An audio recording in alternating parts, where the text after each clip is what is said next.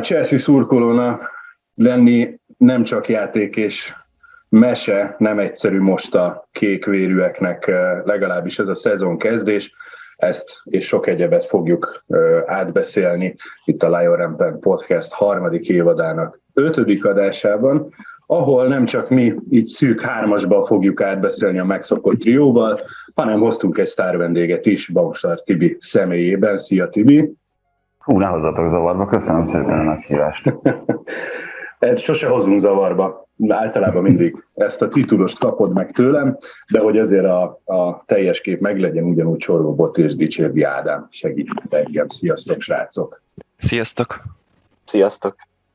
Na, hát uh, akarom itt egy kicsit a fejemet, mert uh, aludni kellett egy nagyot a tegnapi produkció után, de hogy ne csak ez legyen a szemünk előtt, hiszen ugye itt viszonylag gyorsan két forduló ment le, és nem csak a bajnokság kapcsán kell átbeszélni néhány fontos információt, hanem végre van előrelépés az átigazolások kapcsán, és sorsoltak a BL-ben is, megkaptuk a csoportot. Van olasz csapat, úgyhogy Tibi ebbe nekünk külön segíteni tudsz majd, elemezgetni, hogy kivel mit lehet kezdeni. És, és hát a, a hétvégén azért, mivel ugye két mérkőzés van, ahogy említettem, ott is ki kell emelnünk majd egy-két, hát nem éppen sikeres, valakinek sikeres, valakinek kevésbé sikeres megmozdulását, és hát itt viszonylag frissen a nyakunkba borult ez a, ez a Southampton nyakleves, úgyhogy nagyjából ezeket fogjuk átvenni a, a mai kis felvételünkkor, és sajnos ma még 31-e van, de ma van ugye a zárás a nyári átigazolási időszaknak, úgyhogy mire ki fog menni az adás, lehet, hogy még egy-két érkező távozó hírét is ugye meg tudjuk majd erősíteni, de ezt mind majd csak a felvétel után. És hát először is, mielőtt belevágnánk részletesen a témákba, azért Tibi kíváncsi lennék, mit szólsz az eddigiek alapján az idei Chelsea-hez? Fú, ez elég komplex kérdés. Azért is, mert nem a kiegyensúlyozottság az, ami elsőként eszembe jut, ha jelzőket keresek az idei Chelsea-be. Voltak egészen biztató jelek szerintem, de talán több, ami aggasztó, és ez már azért nem feltétlenül a szezon kezdetével indult el ez a folyamat, hanem amikor az első nyári hírek befutottak arról, hogy sportigazgató nélkül itt Bóli hogyan próbál mozgolódni a piacon, a klubbal együtt, vagy hát ugye itt gyakorlatilag az ő, ő személyét emelhetjük ki a mozgások kapcsán. Úgyhogy hát szelemás itt az eddigi tapasztalatok alapján is a Chelsea. Az, hogy most, hogyha itt a két legfrissebb emléket nézzük, hogy tíz emberrel a Leicester le tudta győzni a csapat, szerintem az, az egészen biztatónak tűnt. Az, amit tegnap a Southampton ellen látunk, és ahogyan Tuhel is kiemelte, hogy ott 20-25 percen keresztül volt képes az elvárt színvonalon teljesíteni a csapat, az már sokkal aggasztóbb. Az is az, hogy kicsit kapkodás jellemzi szerintem a csapatot, egyáltalán nem tűnik jó ötletnek Geleger hatosként szerepeltetése, de erről biztos majd részletesebben is beszélünk. Egyelőre azért Kulibali sem hozza azt, amit egyébként én magam is vártam tőle, meg amit szerintem a legtöbben vártak tőle. Ez még bőven nem az előző szezonban mutatott nápolyi formája. Úgyhogy az nem biztos, hogy egy olyan nagyon-nagyon jó dolog, hogy a Chelsea-nél a jelen pillanatban leginkább pozitívunként említhető dolog az, hogy Thiago Silva még mindig szenzációs. Igen, és hát azért ő se 30 éves már, sőt, szép lassan ugye a negyedik X-et fogja taposni. De akkor kicsit variáljunk a sorrenden. Ugye volt két mérkőzés most viszonylag gyorsan, ami megszokott volt ugye a tavalyi szezonban. Ugye a hétvégén a Leicester ellen az éppen említett Geleger két hibájának köszönhetően emberhátrányba került a csapat, viszont sikerült legalább egy két gólos előnyt felépíteni, és az kitartott nagyjából a, a mérkőzés végig is ugye szenvedősen behúzni kettő egyre, és aztán ugye jött a, a tegnap este, ugye a felvétel szerinti tegnap este, a Southampton ellen, és, és mindenki arra számított, hogy hát egy sok gólos győzelem legalábbis ez volt jellemző ugye a, a, szentek elleni mérkőzésekre, meg is volt a vezetés, aztán egy pontrugás utáni hiba, majd pedig egy teljes védelmi hiba, és, és egy olyan második félidő, ami hát nem azt mutatta, hogy éppen hátrányban van a csapat, és szeretné megfordítani, vagy legalább döntetlenre menteni a mérkőzést. Mi, mik voltak, próbáljuk meg ezt a kettőt a mérkőzést így átvenni, mik voltak a hibák, volt bármi pozitívum, ki, kinek hozza ez a két meccs?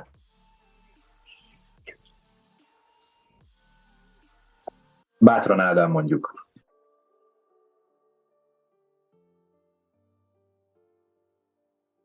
Volt az fél óra játék után kerültünk emberhátrányba, az elég nehéz volt, és én úgy vártam már a, a, itt a Leeds elleni forgatókönyvet nagyjából, hogy itt most akkor, akkor vége, és akkor megint jön a Charity FC, és akkor adunk a Leicesternek három pontot ugye a nehéz kezdésük után.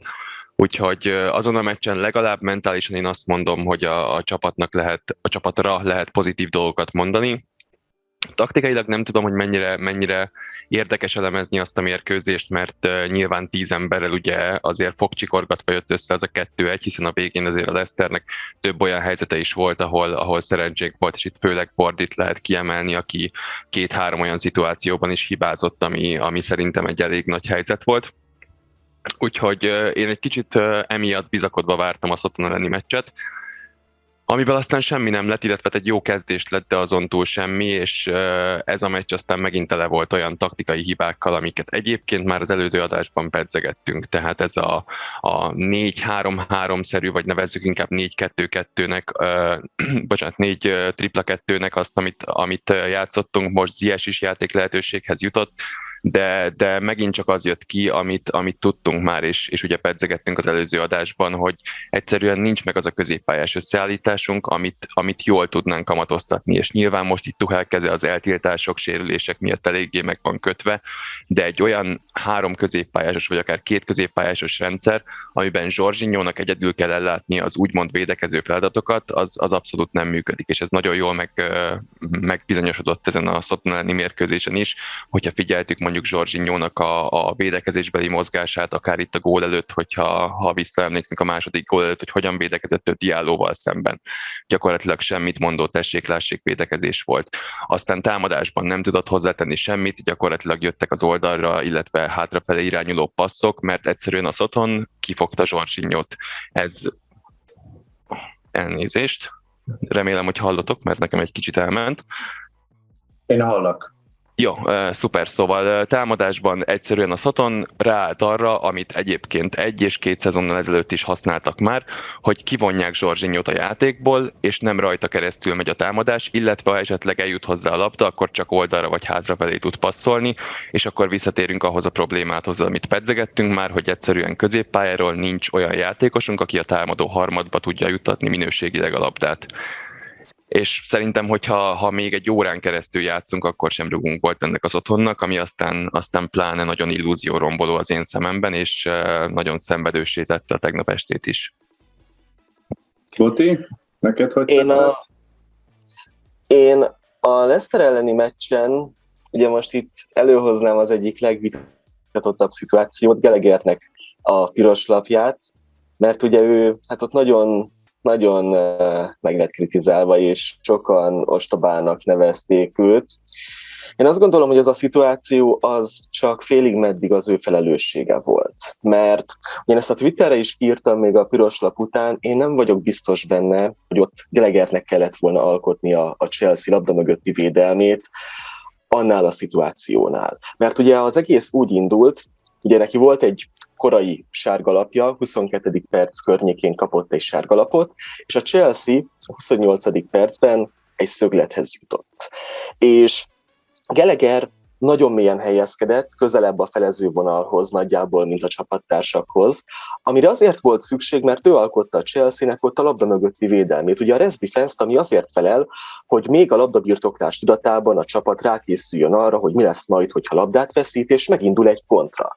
És Geleger tartottuk hátul nagyon gyakran ezen a meccsen. Ő volt az, akinek a feladata így a stabilitásnak a megadása volt. Viszont amikor azt vesszük észre, hogy a csapatunk szögletet kap, ott bármelyik percben egy olyan gyors kontra megindulhat, ahol másodperceken múlik az, hogy ki hogyan cselekszik, és ki mikor akadályozza ezt meg. És ugye ott Kukureja eladta a labdát, megindult barnes a nagyon gyors Lester kontra, és Geleger jött, és ott hát megakasztotta barnes Én azt gondolom, hogy itt egy olyan játékost kellett volna hátul hagynunk, aki, aki még nem sárgalapos, mert ilyenkor tényleg a másodperc tört része alatt kell egy játékosnak szerelnie, egy játékosnak megakadályoznia a kontrát, és az, hogy Gelegert ennyire hátul hagytuk, az nekem egyértelműen azt jelzi, hogy ő azzal volt itt megbízva, hogy akadályozza meg azt, hogy ez a kontra, ez veszélyes területekre jusson. Itt nem csak az a fontos, hogy ne legyen belőle gól, hanem hogyha esetleg taktikai falt szükséges, akkor az ne veszélyes területekről jöjjön.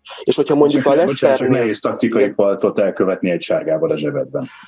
Igen, ezért kellett volna mondjuk Zsorzsinyót hátulhagyni, és hogyha mondjuk Zsorzsinyó taktikai faltól egyet ott a Leszternek a térfelén, akkor azt mondjuk, hogy hát hát megakadályoztunk egy kontrát, Zsorzsinyó kap egy sárgát, a Leszter meg 250 méterre a kapunktól jön egy szabad rugással.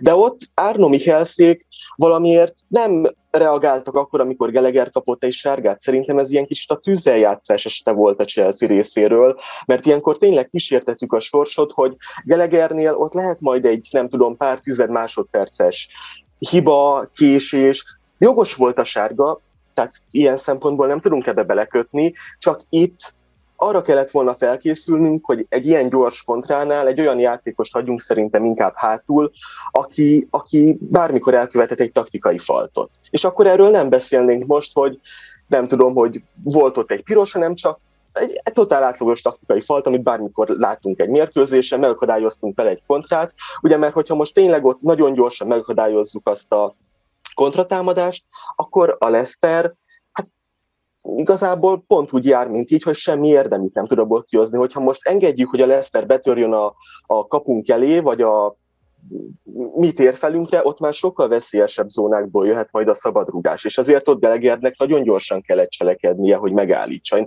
De na, nagyon megkapta azt, hogy ő nem tudom, hogy, hogy hülye volt, ostoba volt. Szerintem nem, szerintem elkésett, de ott, amit neki meg kellett tenni, azt ő megtette. Más kérdés, hogy szerintem azt nem neki kellett volna megtenni ott.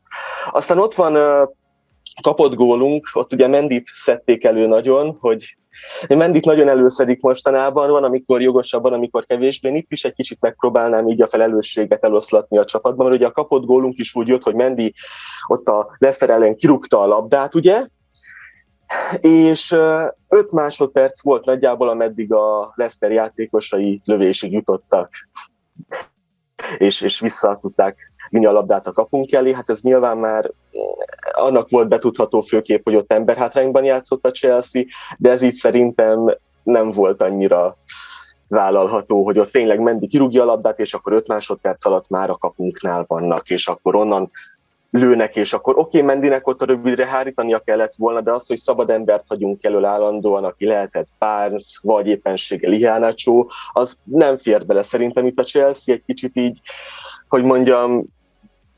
sokkal kevésbé ügyelt ott a két gólos vezetés tekintetében a Leicesterre, mint kellett volna. Ott sokkal stabilabban vissza kellett volna állni, és nem egy szabad embert hagyni hátul. És igen, egyébként uh, van a Southampton elleni napi meccs, ez meg azért nehéz, mert itt már tényleg csak magunkat ismételnénk. Annyira, nem tudom, vállalhatatlan mérkőzés volt szerintem is, egy abszolút teljes mértékben hatalmas kudarc igazából. Hát az első gólunk, ugye, amit kaptunk, az megint egy pontrugás volt. Tényleg a Chelsea az, az olyan szinten gyengén el most a pontrugásokkal, mint 19-20 óta szerintem soha, ami részint rávezethető arra, hogy a fejelésben domináns játékosainkat elvesztettük az elmúlt években, és már csak Szilva marad, de hát részben meg látjuk, hogy mennyire rendezetlen egyszerűen ez a védelem. Tehát konkrétan a Southampton két játékos kirakott ugye a második labdákra a 16-os elé, mi pedig odaadtuk Láviának a labdát, ő pedig előtte. Oké, okay, Mendinek ezt is lehet, hogy fognia kellett volna, vagy háríthatta volna, de hát egyszerűen egyszerűen nem szabadott volna oda juttatni ilyen direktbe a labdát. Hát Láviának ott konkrétan több másodperce volt arra, hogy lekezeli, állítgatja, ellövi, és tényleg, hát mintha nem is kellett volna neki különösebben izgulnia, egy pontrugásnál nagyjából, hogy elveszik tőle a labdát, és tök nyugodtan ott lekezelte előtte.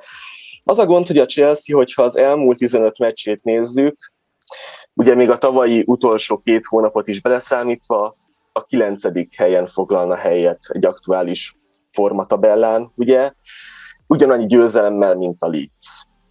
És ez egyszerűen nagyon-nagyon sötét képet fest most a csapatról, és ez tényleg 2015-16 óta a legrosszabb szezonkezdésünk, ami hát egyszerűen nem tudom, remélem, hogy annál jobb lesz. És én akkor itt befejezem a monológomat, csak ennyivel. Na hát Boti felvázolta a nem éppen szép jelenlegi képet. Tibi, te hol látod a hibát, akár itt Conor Gelegernél, akár az edzői stábnál? Mi az, amiben esetleg kinek hol van a felelősség, és mi az, amiben javítani kéne rövid távon? Hát nagyon sok érdekes dolgot mondott Boti szerintem. Többek között én például nem vagyok hajlandó felmenteni Mendit. Szerintem semmi jelentősége nincs annak, hogy 5 másodpercen belül kerül vissza egy rossz, általa elvégzett rossz kirúgás után a labda a kapuja elé, attól még neki ugyanúgy a rövid sarkot azt védenie kell. Az a probléma szerintem itt Mendi esetében, hogy ő volt az a pont az elmúlt évben, Kepa után különösen, aki biztosnak számított ebben a Chelsea-ben, és akiben bízhatott mindenki, hogy oké, okay, azért ő, ő mindig ott van. A másik, ami felmerült, ez szerintem ez teljesen így van, ahogy, ahogy Boti mondta, hogy jelen pillanatban ez a védelem az elvesztette azokat a, az embereket, akik mondjuk pontrugásoknál kult szerepet kaptak, és ez nem megy egyik pillanatról a másikra, hogy, hogy ezt újra szervezzék. Rüdiger Christensen szerepét nem lehet csak úgy egyik másodpercről a másikra ráosztani Kulibalira, vagy majd Fofanára, hogyha ő érkezik. Úgyhogy itt szerintem ez a probléma, és itt ezzel kapcsolatban egész egyszerűen csak türelemre van szükség. Én nem gondolom azt, hogy Tuchelék alkalmatlanak lennének ennek a megszervezésére. Geleger kapcsán pedig itt a kiállításánál, amikor a Leicesternél a két sárgalapot összeszedte, az első az, az butaság volt, a második az valóban egy kicsit a kényszer szülte megoldás, Kukureja is szerintem bőven felelősséget kellett, hogy vállaljon abban, hogy az ott úgy alakult. Viszont az, hogy Zsorzsinyó legyen az utolsó biztosító ember, az az ő sebessége miatt szerintem egy, egy eleve rossz elképzelés, tehát ha ő van ott, akkor mint egy bóját kikerülik, egész egyszerűen akkor még taktikai faltról sem beszélünk ebben az esetben. Én azt hiszem, hogy, hogy Tuchelik viszonylag szűkös lehetőségekkel dolgoznak itt a már említett sérülések miatt. Kovácsics Kanté nem tudom egyébként, hogy az egész szezonra nézve mennyire lesz majd bevethető. Az teljesen nyilvánvalóvá vált, hogyha Gelegert használni akarja Tuchel, nagyon úgy fest, hogy nem akarja egyébként, tehát nem azért mondom ezt, mert, mert ne játszotta volna, amikor lehetősége volt rá, de azért a piaci hírek még itt az utolsó napokban is arról szólnak, hogy legalább három, de inkább több olyan csapat van, amelyik komolyan szeretne harcba szállni Geleger megszerzésért, és állítólag ezt a Chelsea sem bánná különösebben. Pedig ugye azért az előző Crystal Palace-ben töltött szezon az bebizonyította, hogy Geleger, ha megfelelő poszton és megfelelő helyen használják őt, akkor, akkor egészen kiváló teljesítményre képes.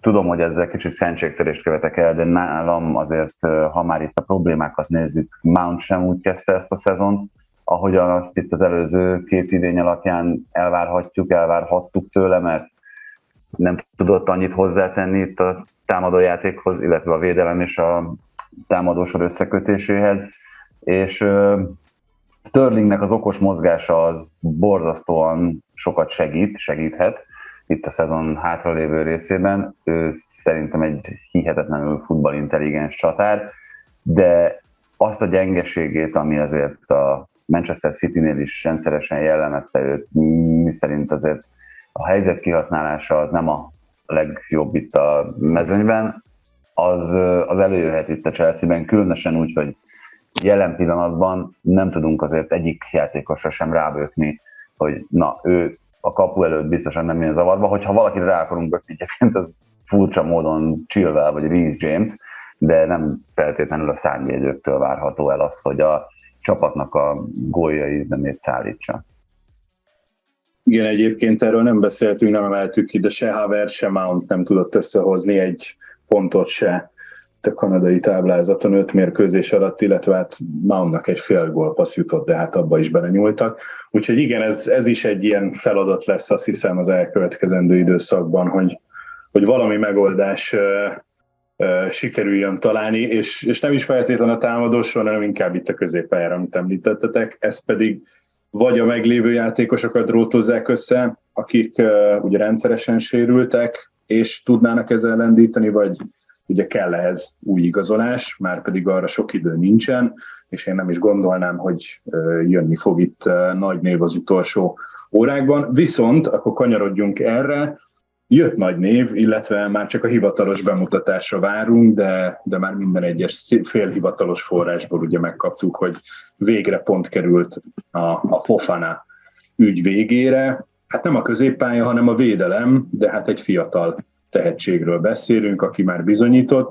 Mennyire örülünk Fofanának, ő a hiányzó láncem onnan hátul, és akkor most végre stabil lesz a védekezés, vagy megint kicsit sokat költöttünk egy, egy felhájpolt névre.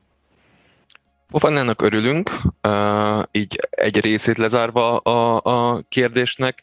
Az, hogy megoldja a problémáinkat, azt majd az idő dönti el, tehát hogy most azért nevekben nagyon jó ez a hátvédsor. Úgyhogy amin aggódtunk, hogy sikerül-e a hátul távozó játékosokat pótolni, azért nevekben és számokban szerintem most a jelenlegi kerettel egy ígéretesnek hangzó védelmünk van. Az, hogy ez mit jelent majd minőségileg, és hogy mikorra fog igazán összeérni ez a hátsó sor, az a nagyobb kérdés, és én egy kicsit ugyanúgy, mint amikor a támadósornak a gyengélkedéséről beszélünk, és visszavezetjük azt a középpályára. Én azért azt mondom, hogy, hogy itt is nagyon fontos az, hogy ahogy Tibi is említette, hogy például Kanté mennyire lesz egészséges a szezon során, mert láthattuk a meccseinket vele és nélküle, és azt, hogy az ő játéka, vagy éppen hiánya, az mennyire kihatással van nem csak a támadósorunkra, hanem a védelmünkre is, mert egyszer egyszerűen Zsorzsinyon nagyon simán átmennek, tehát egy, egy komplett csapat nem épülhet arra, hogy Zsorzsinyó lesz majd az egész szezonban a, a védekező feladatokat ellátó középpályása. Sérülések terén viszont ugye elég szűken vagyunk ott, Visszatérve egy kicsit a Fofana üzletre, végül sikerült azért egy jó, hát minimum egy hónapos intenzív húzavona után meghúzni azt a pénzügyi határt, amire a Leszter már azt mondta, hogy rendben van. Itt a bónuszokkal egybeértve nem lett végül a világ legdrágább védője, úgyhogy bízunk benne, hogy nem egy mondjuk Maguire, hanem mondjuk egy Van Dijk féle üzlet sülhet ki belőle. Ami nekem egyébként egy kicsit ilyen, lehet, hogy csak én vagyok szkeptikus, de egy ilyen red flag volt, és, és tényleg bízunk abban, hogy azért csinálta ezt, mert neki tényleg a Chelsea a gyerek gyerekkori álma, de az, hogy ugye megkötötte ezt az öt éves szerződést a Leszterrel itt a sérülése környékén, aztán, hogy milyen módon távozott onnan, az azért nekem mindig egy ilyen kis, kis red flagnek számít a játékosnál, ettől függetlenül én nagyon várom, és úgy gondolom, hogy azt a részét az átigazolási céljainknak, ami a védelemre vonatkozott, azt messze teljesítettük, és akkor még nem is beszéltünk arról, ami tegnap röppent fel, hogy itt Guardiola kapcsolatban már akár szerződést köthetünk úgy, hogy majd jövő nyáron csatlakozik hozzánk. Úgyhogy a csapat ezen része pipa, de, de nagyon sok minden van itt még, akár a középpálya, akár a támadó sorra nézve, amit, amit javítanunk kell ebben a hátralévő két napban, aztán ha meg nem sikerül, akkor megpróbálni azzal főzni, amink, amink van, és ezzel kiállni a szezonra. Ugye a, a, ez az jó egy hónapos húzavonának az volt az oka, hogy nagyjából végösszegben ugyanaz, csak ugye különböző elosztásban, hogy mit kap alappénzként meg a Leszter, és mi az, ami a bónusz lesz, itt variált a, a bólistáb. Ez jó döntés volt szerinted, Boti, vagy sem, vagy, vagy éppen ez egy újabb amerikai remek húzás, hogy nem a végösszeget növeljük, hanem csak itt az összetételen variálunk? Én azt gondolom, hogy összességében a Fofana bizniszsel kapcsolatban most így elégedettek lehetünk szerintem. Tehát ez most így nem néz ki rossznak. Én eleinte szkeptikus voltam ezzel, mert nagyon úgy nézett ki, hogy a Leszter nem fogja 80 millió alatt nekünk eladni. És hát ennek ugye leginkább az lehetett az oka, hogy tényleg, ahogy Ádám is mondta, ő márciusban hosszabbított öt évre, és állítólag a Leszternél itt egyáltalán nem volt az tervben, hogy 2023 nyara előtt ajánlatokat fogadjanak érte. És szerintem, amikor ő tavasszal megkötötte ezt a szerződést, álmukban sem gondolták volna, hogy fél évvel később már, már nem lesz ott Fofana. És amikor a Chelsea tényleg elkezdett tök komolyan érdeklődni, akkor szerintem ők is tök komolyan dobták be azt, hogy hát akkor kérünk egy rekordösszeget érte. Ugye ez ilyen 85 millió font környéke lett volna, amit ők eleinte állítólag így kértek volna, aztán nyilván reálisabbak lettek ők is valamivel, és akkor lett 80 millió font. És amikor a Chelsea-nek a második ajánlatát is elutasították, ami alig volt jobb vagy több, mint az első, és hát eléggé távol volt még az általuk kért összegtől, akkor úgy érződött egy kicsit nekem, hogy a Chelsea az idejével játszik. De a Leicesternél is időközben meg kellett kötni olyan kompromisszumokat, amiket szerintem ők nagyon nem szerettek volna. És ennek két oka van. Az egyik az Fofana, hiszen ahogy Ádám is mondta, Fofana nagyon-nagyon nyomott azért, vagy hát pusolt azért, hogy ő távozhasson ebből a, ebből a csapatból. Állítólag többször találkozott Brandon rodgers és ott is jelezte neki, hogy ő távozni szeretne, ő el szeretne menni ettől a csapattól. És Rodgers hát egyrészt úgy reagált, hogy ugye kitette a keretből, tehát az elmúlt két hétben már nem volt ott a Leicester csapatában Fofana. Másrészt meg az a hozzáállás alapvetően, hogyha egy játékostól elveszik úgymond a, az általa vágyott álomigazolást, az nagyon nem lesz jó hatással rá. Tehát állítólag ez Rodgersnek a, az álláspontja ebben az egészben. Így a Leicester is elkezdett úgymond enyhülni. És van még egy fontos dolog, hogy nekik ugye el kell adni ahhoz, hogy venni tudjanak. Mert idén még nem tudtak igazolni. És ha megnézzük, hogy milyen potenciális adásaik lehettek volna, hát Fofana az egyértelműen, aki szerintem a leginkább távozni akart ebből a csapatból, viszont nekik is idővel fel kellett venni a versenyt, vagy hát arra gondolni, vagy azt is beleszámítani, hogy itt az átigazolási időszak hamarosan véget ér. És nekik is lépniük kell, hogyha Fafanát pótolni akarják, és kell nekik is a pénz. Na most nem csak azért fontos ez, mert, mert itt azért még ezt le kell tárgyalni, mert nyilván vannak kiszemeltjeik, csak mondjuk, hogyha ezeket a játékosokat valamelyik csapat elviszi, mert ők nem lépnek elég gyorsan, az nekik nem túl jó. És mint látjuk, szerintem valamelyest ez is történt, hiszen állítólag Manuel Akanji lett volna az, akit a Leszter kiszemelt volna Fofana helyére, de hát őt meg ugye időközben lehet, hogy elviszi a City, mielőtt még a Leszter érdemben bele tudna szólni ebbe az egészbe. És ezen két indok miatt nekik is kompromisszumokat kellett kötni. Nem lehetnek elégedetlenek a mostani helyzettel, de szerintem teljesen elégedettek se ahhoz képest, hogy most egy évvel korábban elveszítik Fofanát. Ugye a végösszeg az úgy néz ki, hogy minden igaz jelenleg, hogy 67 milliót fizet most a Chelsea, és van most még 8 milliónyi addon. Ez az addon ez olyan, hogy nem tudjuk, hogy mire fel, vagy milyen kritériumok mentén fogja a Chelsea ezt kifizetni. Gondolom, hogyha mondjuk a top 4-be jutunk, az is jelent valamit, ha esetleg bajnokságot nyerünk a következő x évben vele, az is jelenthet valamit. Akár pályára lépést is függhet igazából. De ez a 66 millió, ez szerintem, vagy 67, ez olyan tekintetben nem rossz, hogy ugye Fofanáért kért vol, Fofanáért, Kundéért kért volna a Sevilla 55 millió fontot nagyjából a Chelsea-től.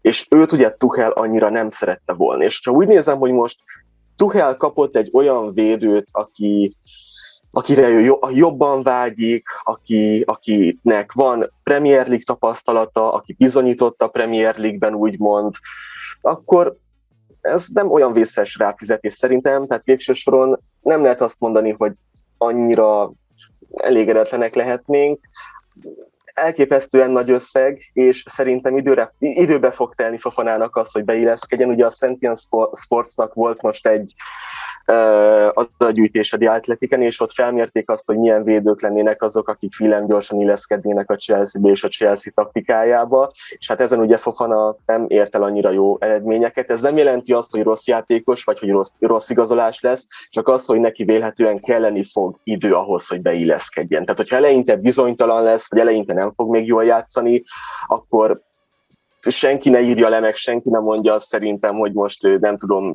kutyaütő játékos, meg már abszolút flop, mert tényleg itt most a jelek szerint, a várható jelek szerint itt neki azért kelleni fog idő, hogy beilleszkedjen ebbe a Chelsea játékrendszerbe. Uh, igazából ennyi. Ugye sok idő nincs... arról vagyunk híresek, szerencsére arról, arról híresek a Chelsea szurkolók, hogy minden játékosunkkal türelmesek vagyunk, főleg a drágákkal, és megvárjuk, amíg beilleszkednek. Úgyhogy ez egy Igen, jó... ez alap, ez alap.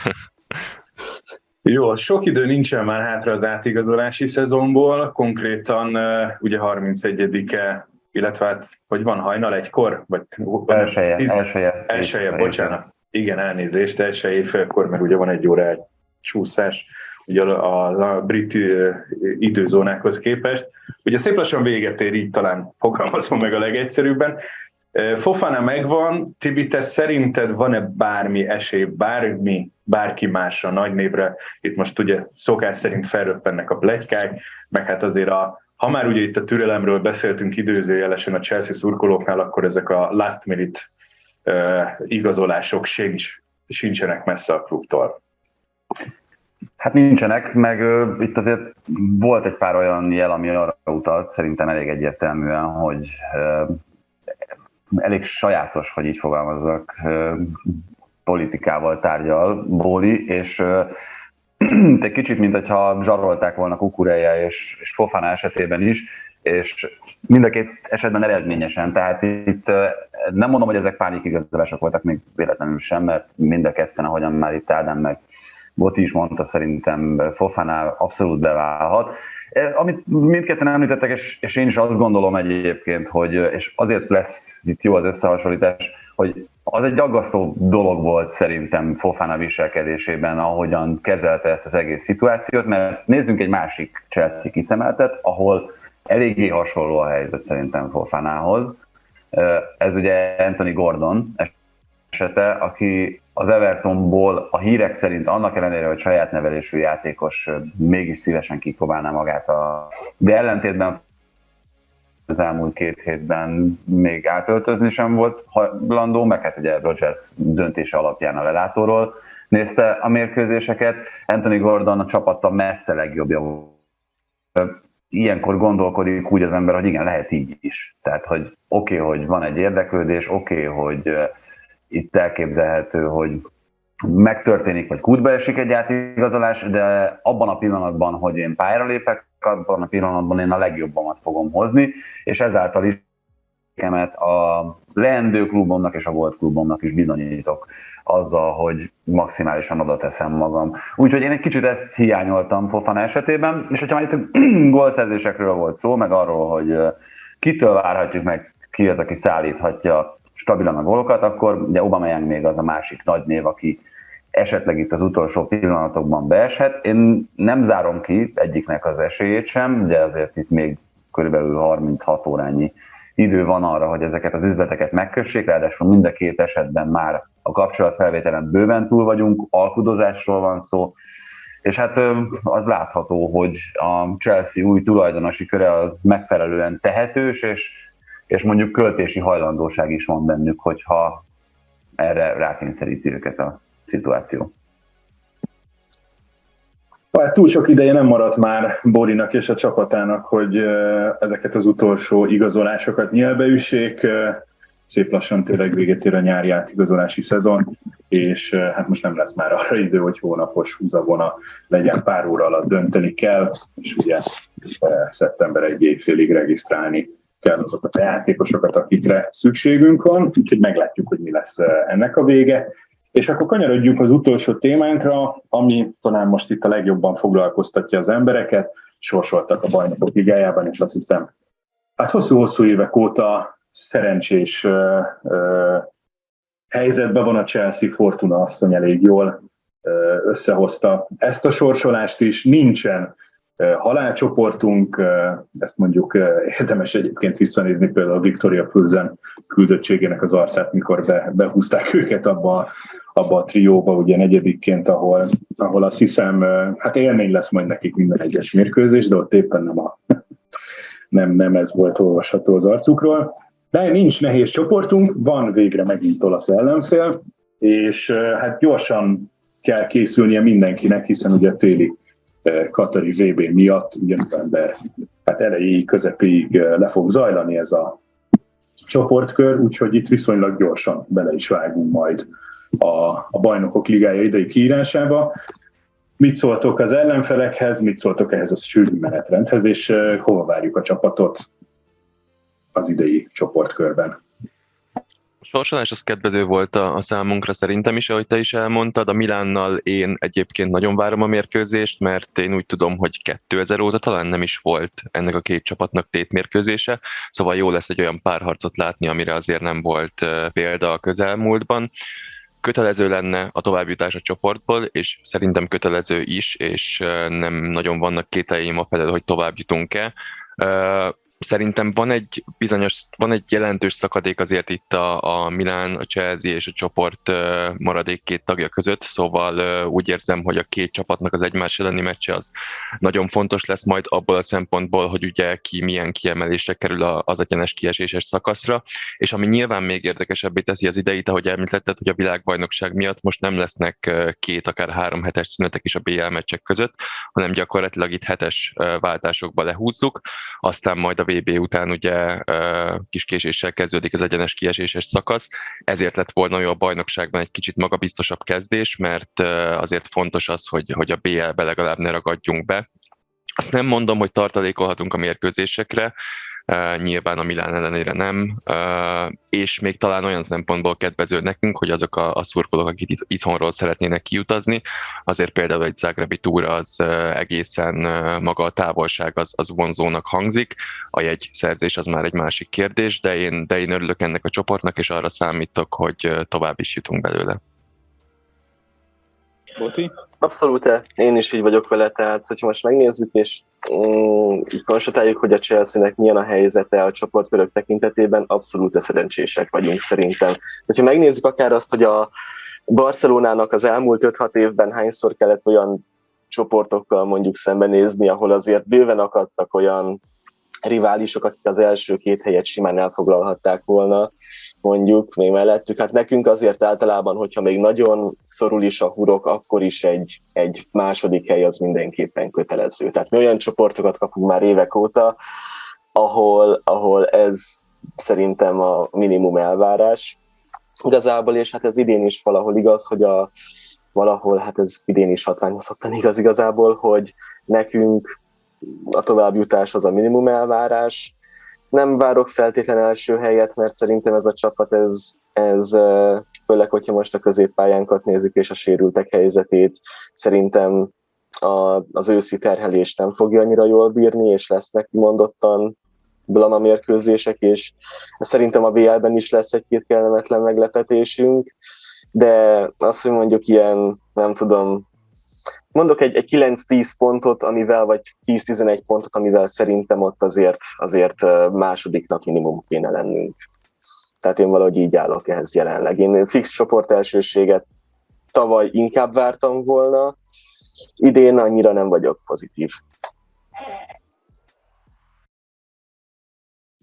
Szóval amiért külön örülök, hogy most Tibi itt vagy velünk, ugye te az olasz foci egyik nagy szerelmese vagy, és hát a, a Milánt azt hiszem sokkal jobban ismered bármelyikünknél. Mennyire pikáns lesz ez, a, ez az oda-visszavágó a két csapat között? Hát először hadd kérdezzek vissza, hogy értetted azt, hogy milyen jó, hogy olasz ellenfél került a Chelsea, ez csak itt a patina okán, vagy, vagy ebben volt valami cinizmus is? Ja, nem, nem, nem, örülünk neki, tehát nem volt benne cinizmus. Nem, ez most komoly kérdés volt. Hát én nem értem a pessimizmusotokat. Szerintem ennyire nem vészes a helyzet, amit mondott Ádám, hogy a szakadék a Milán és a Chelsea, valamint a másik két csapat között van. Szerintem itt a Chelsea kiemelkedik ebből a csoportból. Én azt gondolom, hogy a Milán az előző szezonban, amikor a bajnokok ligájában szerepelt, akkor megmutatta, hogy hát még akkor nem nagyon volt készen a nemzetközi szereplésre a csapat. Annak ellenére mondom ezt, hogy voltak egészen jó meccsei, az Atletico ellen volt egy kis bal szerencse, meg egy kis csekír abban, hogy, hogy ott az úgy alakult az a mérkőzés, ahogy meg a Liverpool elleni két meccsen gyakorlatilag a Liverpool lefociszta a Milánt, úgyhogy én azt hiszem, hogy, hogy itt lesznek trükkös mérkőzések, akár Salzburgban vagy Zágrában is, de a Chelsea-nek semmifajta félni valója nincsen ettől a csoporttól. Én nagyon-nagyon csodálkoznék, hogyha nem az első helyen jutna tovább a Chelsea. ebből a négyesből. A Milánnal kapcsolatban pedig, ami tapasztalatunk van ebből a szezonból, én az összes meccsét láttam eddig a csapatnak, ugye két győzelem, két döntetlen, nagyjából egyelőre ugyanazok a játékosok alkotják a kezdőcsapatot, mint akik az előző szezonban voltak. A frissen igazolt talizmán de Keteláre beilleszkedése az még folyamatban van, ő azért még elég könnyű súlyúnak tűnik, itt a szószoros értelmében nézve is arra a szerepkörre, aminél a Milánnál akarják használni őt. Vannak abszolút ö, olyan jelek, amelyek mindenképpen bíztatónak számítanak, de például a tegnapi Sassuolo elleni mérkőzés, ami pont a Chelsea meccse előtt fejeződött be, nem okot, nem adott okot a feltétlen optimizmusra. Úgyhogy én azt hiszem, hogy, hogy ez, ez egy sima Chelsea csoportelsőség, aminek óriási jelentősége van abból a szempontból most már évek óta, hogy milyen ellenfelet kap, mert a csoport másodikok között is lesznek borzasztó nehezek, de nyilvánvalóan sokkal kevesebb, mint amennyi a csoport elsők közül jönne.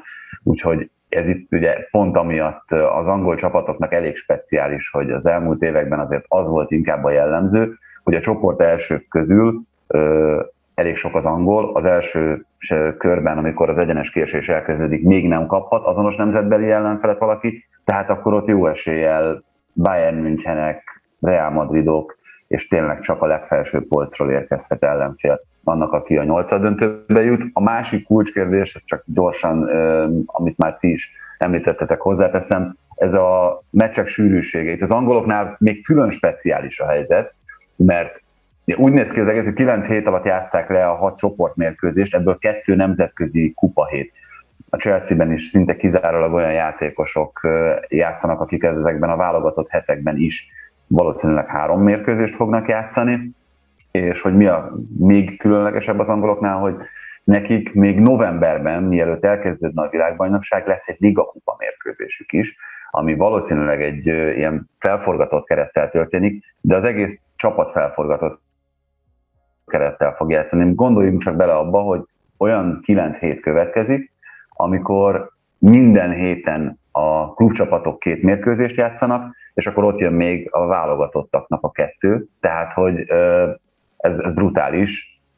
Az angol csapatok, hogyha mondjuk itt a Chelsea-t vesszük, hogyha jól számolok, akkor 19 mérkőzést játszanak ebben a 9 hétben, ami teljesen embertelen, és óriási edzői hozzáadott értéket kíván, hogy hogyan lehet forgatni, akár itt a fizióstáb bevételével a döntésekbe úgy a csapatot, hogy az még eredményes és hatékony is legyen. Igen, ugye itt most csak gyorsan ránéztem a versenynaptárra, ugye november 12 lesz az utolsó mérkőzés, ugye itt a Boxing Day-ig bezárólag, mert ugye azt azért nem engedték el az angolok.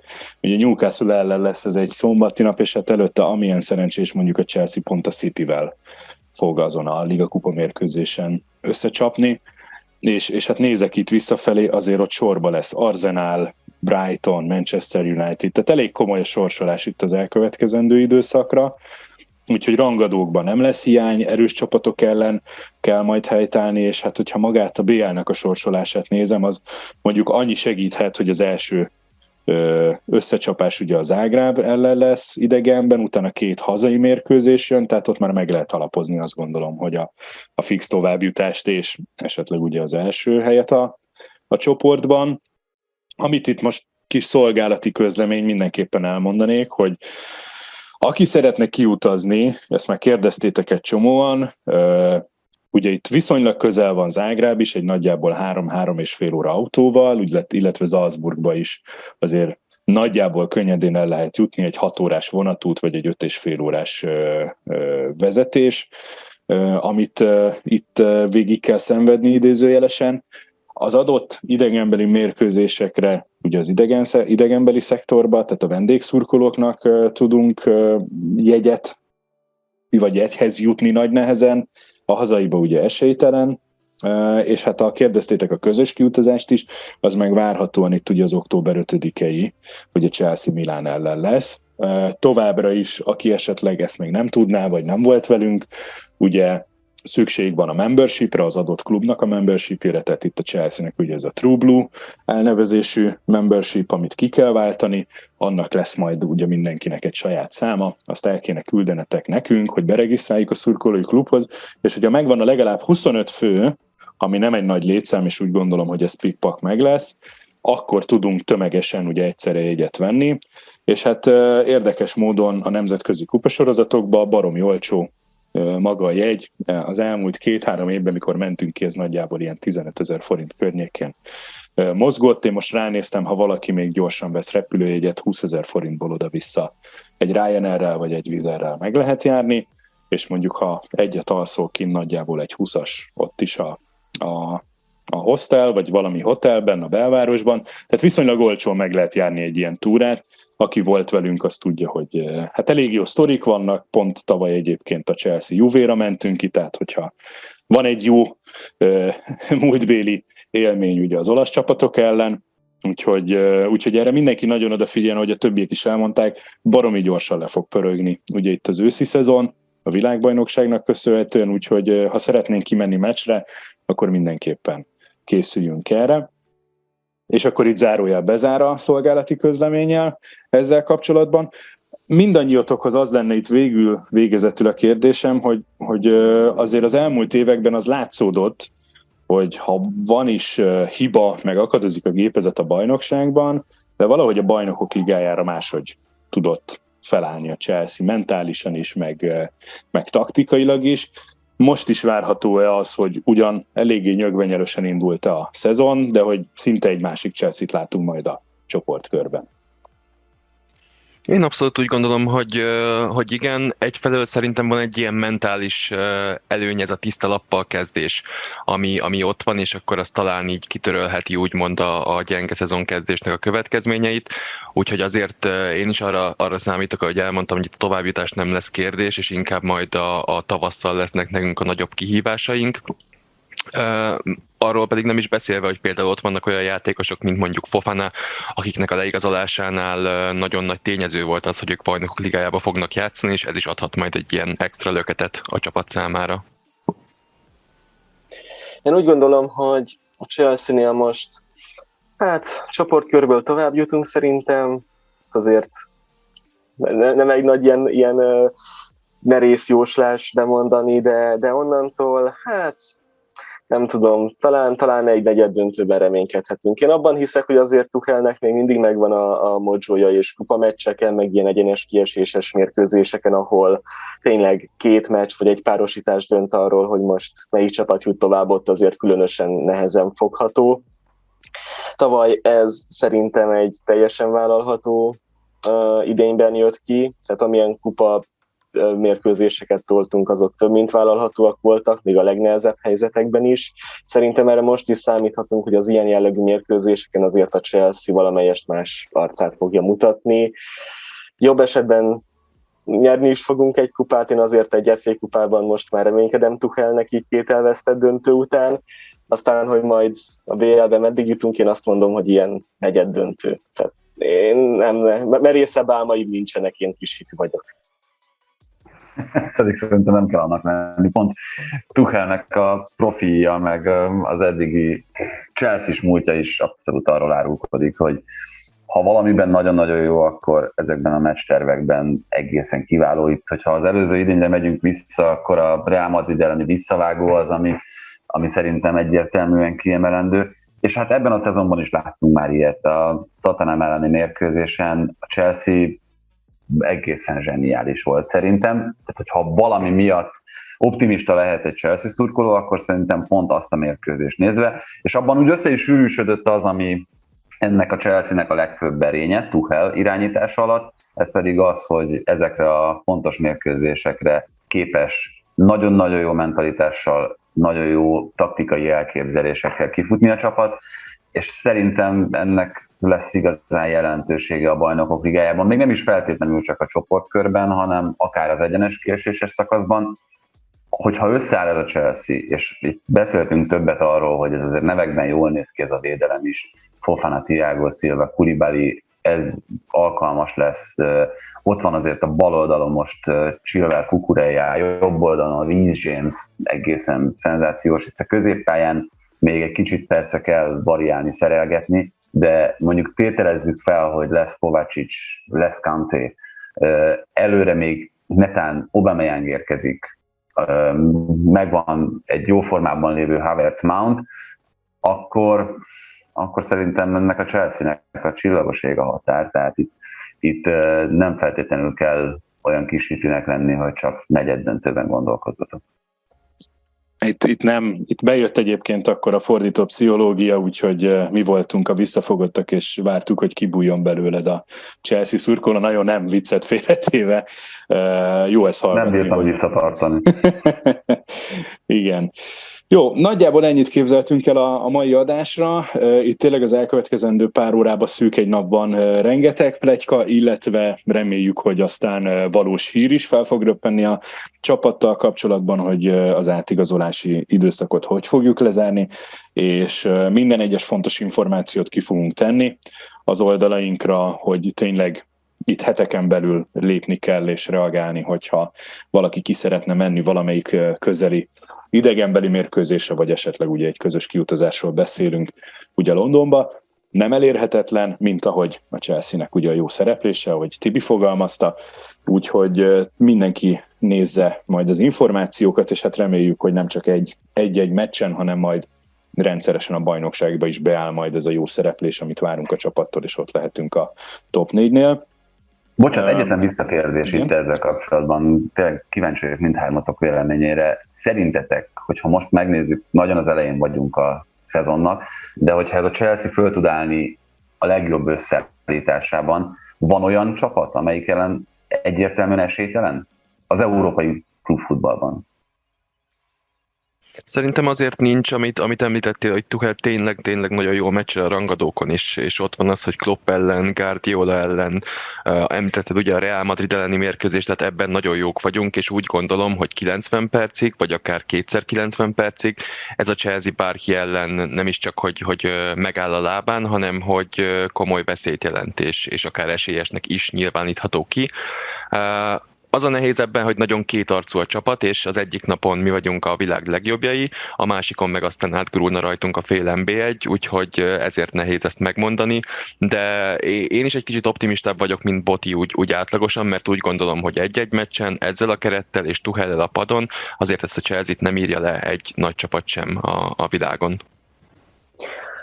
Én azt gondolom, hogy ha most éppenséggel arról beszélünk, hogy a Chelsea-nél minden egyes játék játékos egészséges, és minden egyes játékosnak megvan a lehetősége arra, hogy játszon, gondolok itt egy Kantéra például, vagy gondolok itt egy Kovacsicsra, és tényleg százszázalékosak, akkor szerintem nincs gond alapesetben. És az a gond, hogy ezek a játékosok, ezek nagyon ritkán bevethetőek, utána lesérülnek megint két hétre, egy hónapra, és ott a Chelsea-nél előjönnek a problémák. És ez, ez a vékonyabb keret úgymond, hát nem azt mondom, hogy a Chelsea a legvékonyabb keret nyilván, csak ez minőségben nagyon meglátszik, amikor ezek a játékosok hiányoznak, mert ők fontosak lennének. De hogyha ez bekövetkezik mondjuk, hogy mind Kanté, mind Kovacs is például tök tartósan tud játszani, és mellé mondjuk Tiago Szilváékkal sem lesz probléma, akkor én is pozitívabb lennék egyébként. Csak ehhez össze kéne ennek így jönni.